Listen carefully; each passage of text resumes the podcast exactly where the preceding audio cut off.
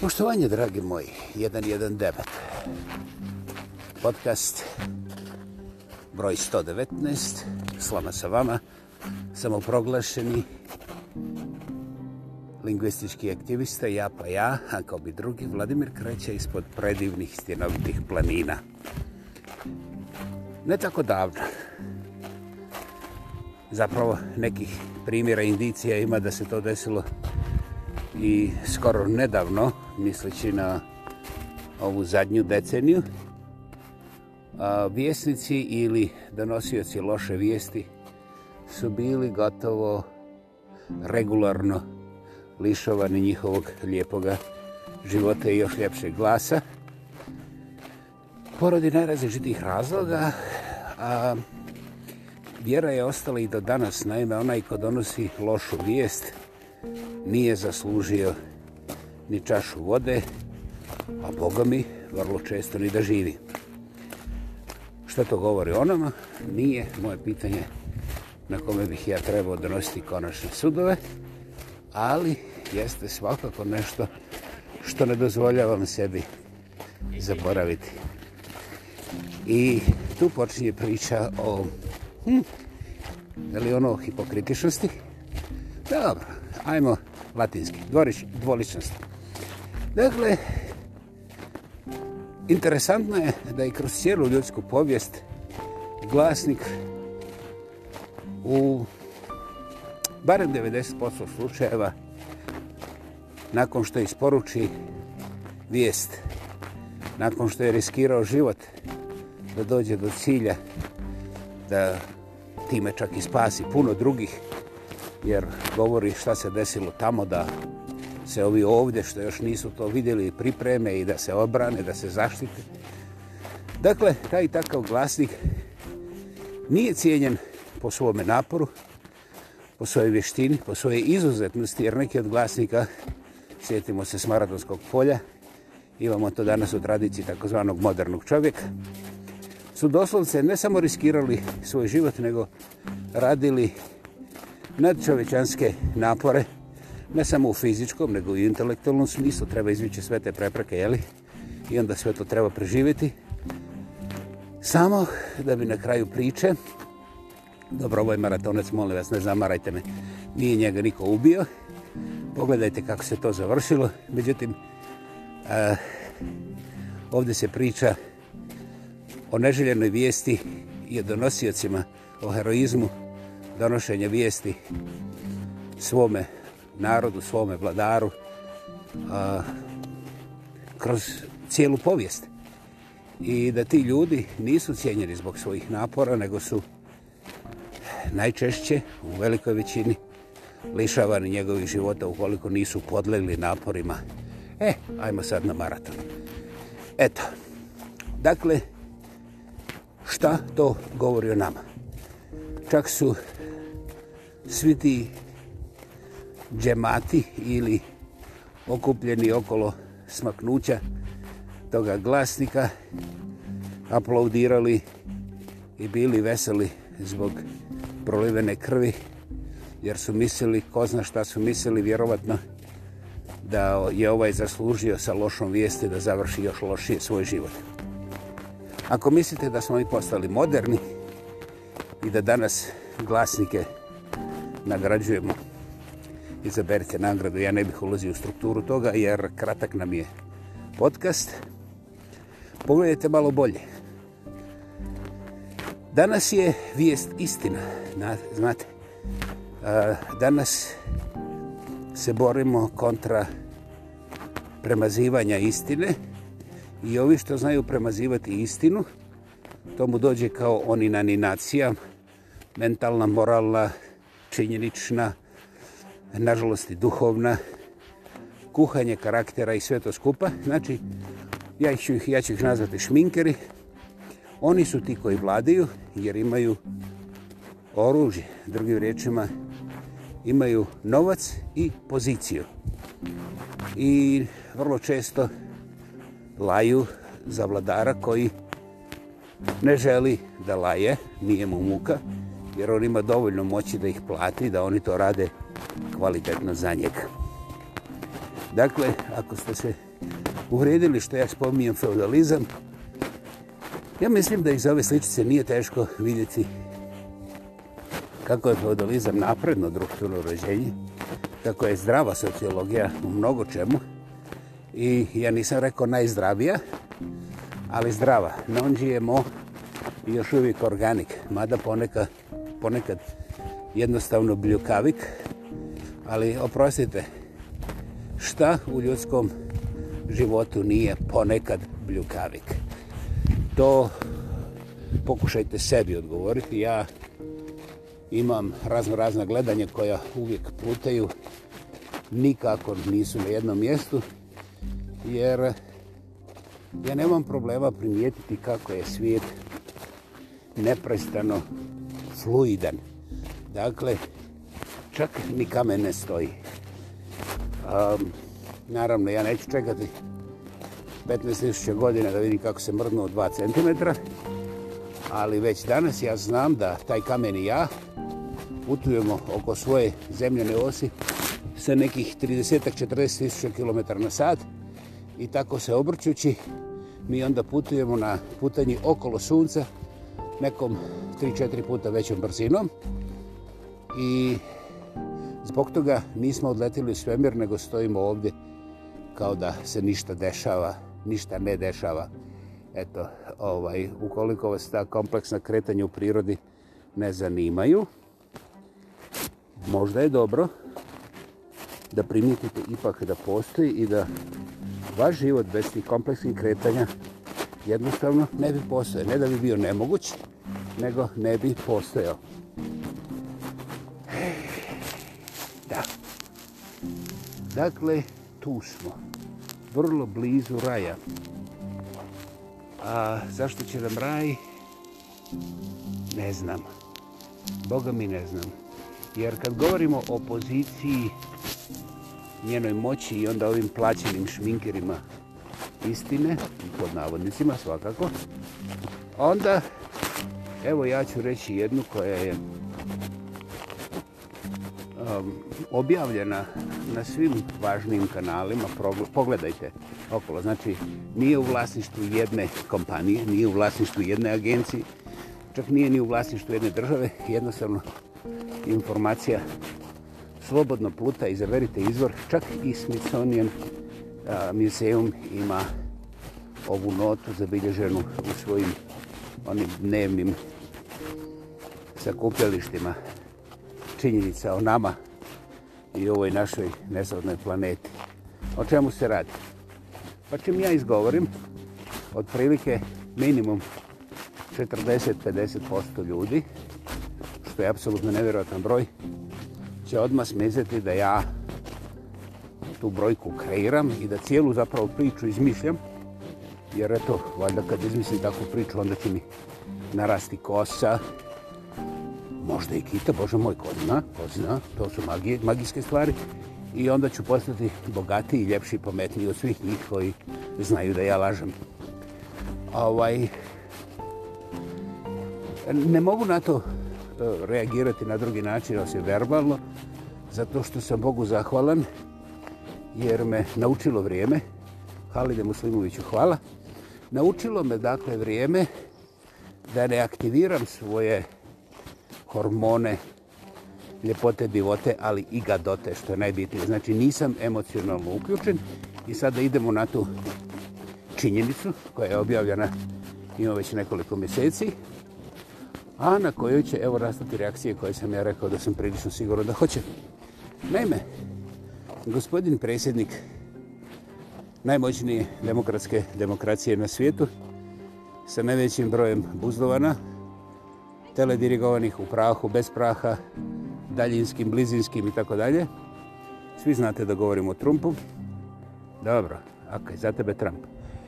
I njemu su izračeno liderani iz više agencije, ne samo novinarskih, da je na filmu, znači na dokumentiranom javnom prostoru, dakle ne ono što je on zatvorio negdje za sebe u svom podrumu, nego što je javno emitirano, barem na području USA, znači za 350 miliona ljudi, on za svoje četiri godine presjednikovanja opalio popriličan broj preko 30 tisuća dokumentiranih, dokumentiranih, snimljenih, snimljenih laži.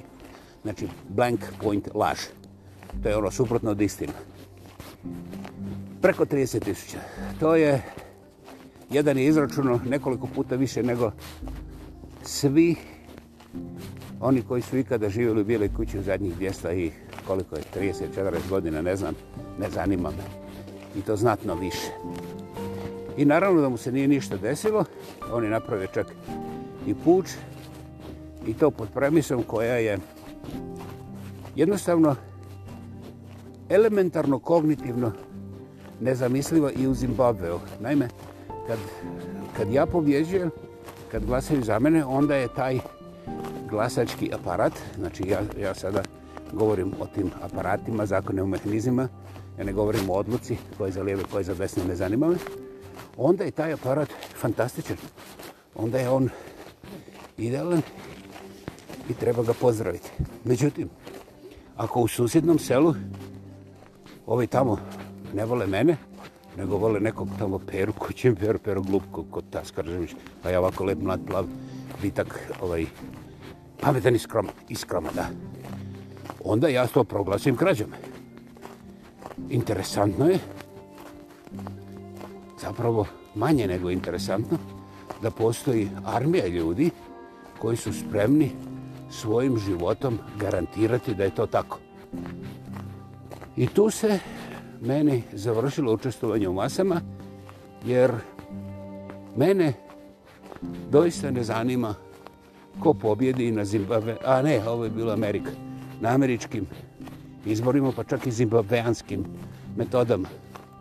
Jer ako oni odluče da imaju, recimo, čekrčićanske metode, ja ću reći, hej, to ti je iz mog starog kraja, ha, niste mogli bez nas. I to će biti sve. Znači, neću aplodirati, neću padati ofan, još manje ću se oblokati. Jer, Bože moj, ova mi jetra treba da proživim još jedno pet meseci da idem na groblje kod čovjek sa jetrom, a ne bez jetre. Eto, dakle, mene ne zanimaju uspaljenosti koji je ljepši, koji je kao bogatiji, ali pogled ljudi sa strane mi govori da laž, čak i kada je katastrofalno kriminalna. Katastrofalno kriminalna, jer laž o kojoj govorim je da je pomenuti predsjednik mrtvo hladno početkom prošle godine potrošio februar, mart, april, maj da dokazuje kako će sve to isporiti, kako je to za jebancija i gutajte neke otrove ako vam baš treba da bi se on sasvim suprotno od toga ponašao u svojom privatnom životu za svoju kožu. E, na svijetu nijedna država nema toliko mrtvih, a njemu to niko ne spotiće. Ovaj. Hello, like. I to, i, I to je za mene ono, ovaj, ono, apsolutno nevjerovatno. Nevjerovatno mi je da čovjek koji, bez obzira što su njegove izjave um, manje nego imbecilne, um, Uh, ja, yeah. to bi se mogao zadržati. On sigurno nije imbecil po svojim prirodnim kapacitetima, međutim, on je naučio da drskost i lažu facu a, odmah izbiju dah ovima ispred tebe i onda on samo skloni te koji su ostali bez daha u tom sekundu i prođe i to je onda dokaz da je on govorio istinu. I tako je cijelog života na trikove svoju psihopatologiju, ne samo unovčio, nego mnoge ljude u crno zavio, da bi im onda objasnio kako je on to učinio za njih kao niko prije i da oni stvari trebaju da mu budu zahvali. Interesantno, ljudi u to vjeruju. Annie Lennox, 81. godine, Eurythmics, Some wants to abuse you, and some wants to be abused by you, baby. Mazahizam je kao, što vidiš, vrlo vrlo moćna sila u prirodi i uopće nije za šalu, jer u jednom jedinom sekundu može prerasti u nešto vrlo ružno, kao na primjer 6. januar. U Washingtonu 2021. godine. Eto, to je pogled sa strane i onda su ljudi podijeljeni koji mrze, koji vole ljepotana, koji sebe gleda svakog dana. Dakle, e, njegova sebičnost je katastrofalna i kriminalna. I samim time se tumači kao herojstvo. E, da li svako pretjerivanje jeste herojstvo? Znate, ja bih do prije 150 godina, tako sam star, ovaj, mrtvo hladno preskočio to pitanje, jer to za mene nije pitanje zbog toga što, hm, Bože moj, čim izađeš iz balansa, izašao si iz normalnog, izašao si iz prirode, izašao si iz dobroga i baviš se zlom. Na kraju krajeva ja u to vjerujem i danas. Međutim, ono što vidim i što bi savjetao svoga sina i svoju kćer je da ovi imbecilno bezobrazni, kriminalno glasni u krivim poljima djelovanja, um, nikako ne smiju biti pocijeljeni i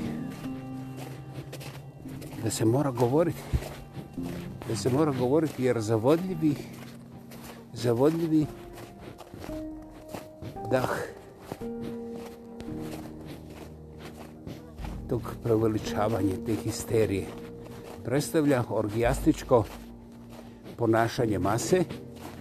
Ja nekada davno sam ja pratio Bruno Bisio i psihologiju mase. I ako znaš gdje se masi upali fitilj, onda će čak 60% potpuno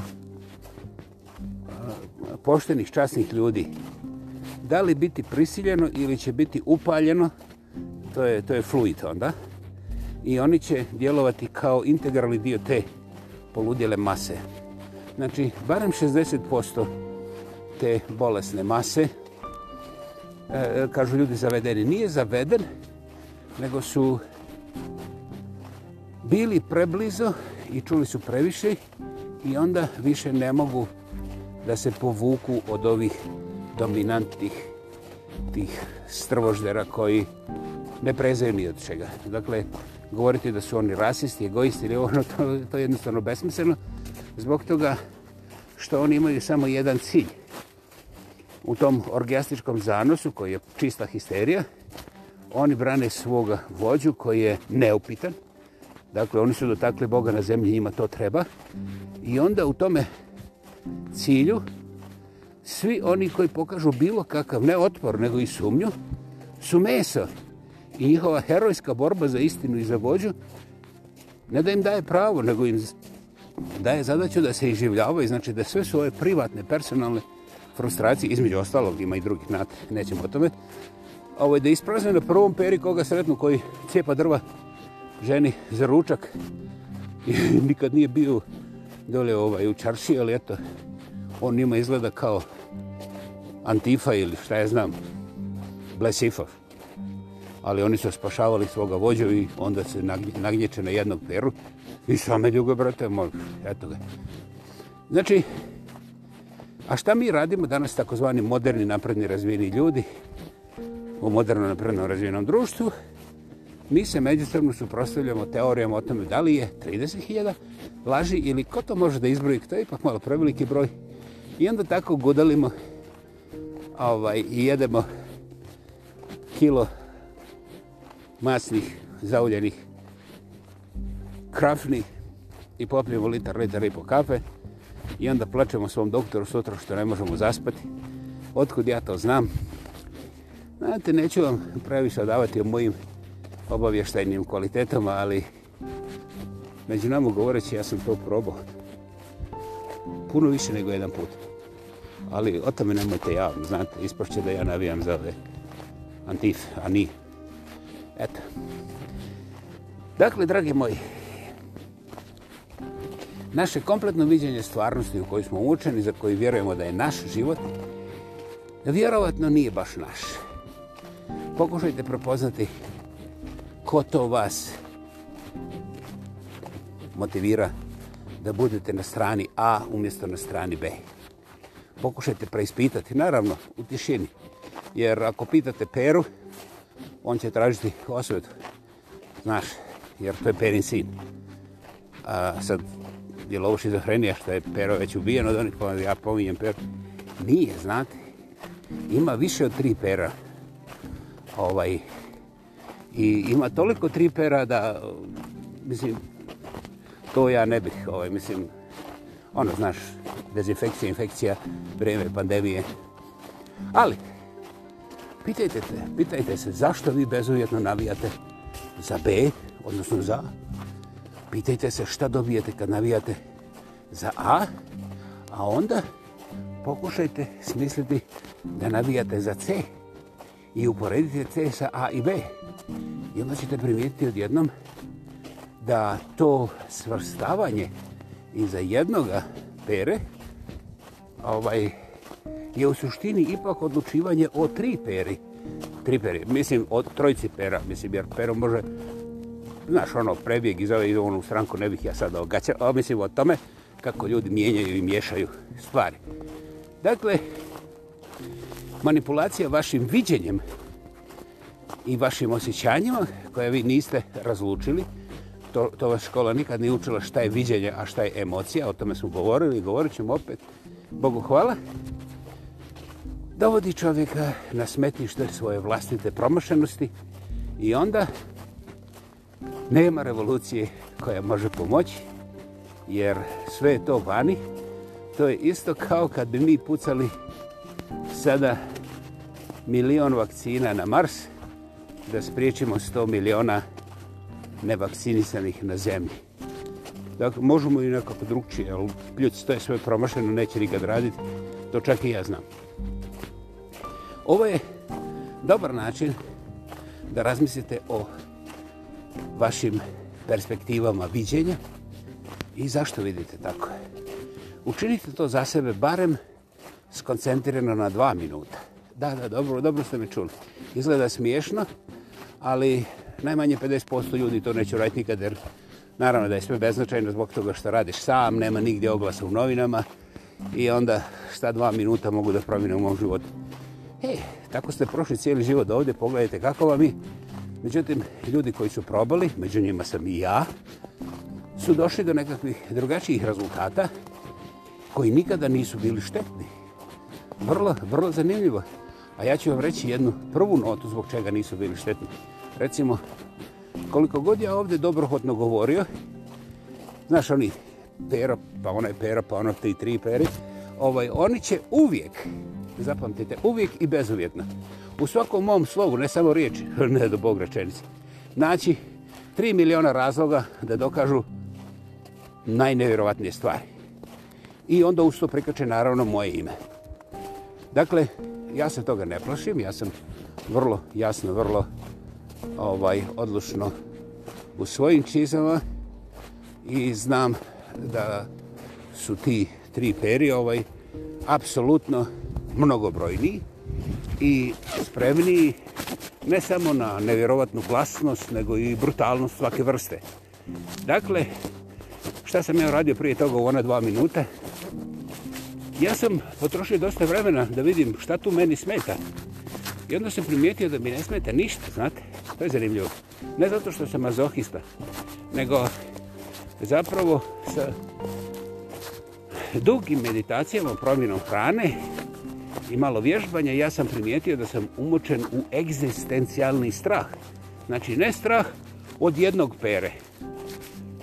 Ovaj, ali, znaš, ima još jedan pero, pa drugi pero, znaš, to su već tri pere, i onda to su tri pere, i onda, onda imaš masu tih tri pere, tri pere, tri pere, su sudok, i ako ti misliš o njima, onda odjednom vidiš da ne možeš da im pobigneš, i odjednom si ovaj, blokirani, misliš ja mogu jedino disati ako im se priključim, odnosno ako prihvatim triper, mislim triperine ove ovaj, stavove. I onda kažem ček, ček, ček, pa da li sam ja rođen za triper? ovaj, šta bi rekla moja pokojna mama da me vidi tako šugavog i preplošenog? Ovaj, a volio sam i svoju baku, a posebno sam volio svoju suprugu. Dakle, ja sam imao tri tri kraljice, a ja se ovom prošim konta tri pera. Ha, ha. I onda mi, to mi se otvorilo. Zato vam preporučujem dva minuta. I onda ponavljate dok vam se ne otvori. Dakle, vi ne morate da se složite sa mnom, niti morate da dođete do mojih rezultata.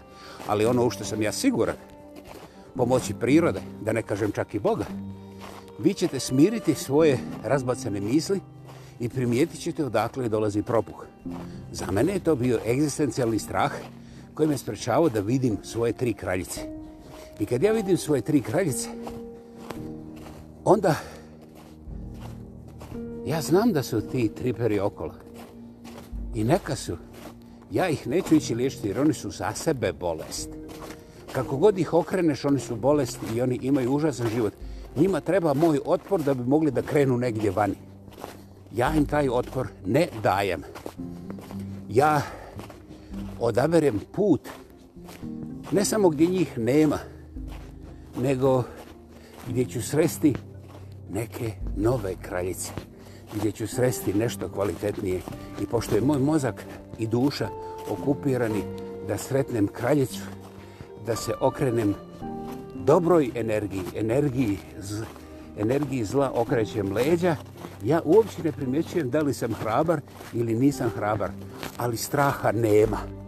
Dakle, taj egzistencijalni strah na koji sam ja bio naviko kao magare na onaj grubi, na grubo sedlo, je jednostavno bačen i ja otvaram prostor za nešto lijepo i korisno u svom životu, a osim toga je zanimljivo, jer ja sada više ne smizirim što je, šta je znam, možda će me herc kolaps tresiti danas popodne, pa ću na groblje, neću se vratiti, mislim, jer ja sam ipak ostario, mislim, gotovo, te popravke ne postoje, ali ja mogu da se nasmijem, ja mogu da ostaju vic o svojoj vlastitoj smrti, jer je ne smatram epskom, nego Bogom danom, kao što mi je Bog dao život. Dakle, da li ću ja živjeti danas do popodne i krehnuti od herc kolapsa, bandić, bandić, bandić moj, ili ću možda poživjeti, što ja znam, mjesec dana, dva mjeseca, slušaj, postoji mogućnost da živim možda godinu i preko godine i sve to skupo. Ne zanima me. Ne zanima me zato što sam upravo sada zahvalan mojim kraljicama, jer one su mi pomogle da vidim put dalje od tri pera. I ovdje je najbolje stati i udahnuti, veseliti se, jer ja ću se veseliti ostatak dana. 119, podcast 119. Slama sa vama, ja pa ja, ako bi drugi Vladimir kreće sa predivnih stjenovikih planina ispod mojih noga je još uvijek i snijeg i led, ali čujte, ptičice u daljini, temperatura je pozitivna i sve je ljepše kada malo ostavite prostor u svojoj duši, a i u svojoj glavi za nešto drugo osim pera ili tri pera. E, sretno na tome putu, vjerujem u vas i želim vam predivan vikend, čujemo se vrlo brzo, ali najprije i nada sve iznad moje duše, hvala, hvala, hvala.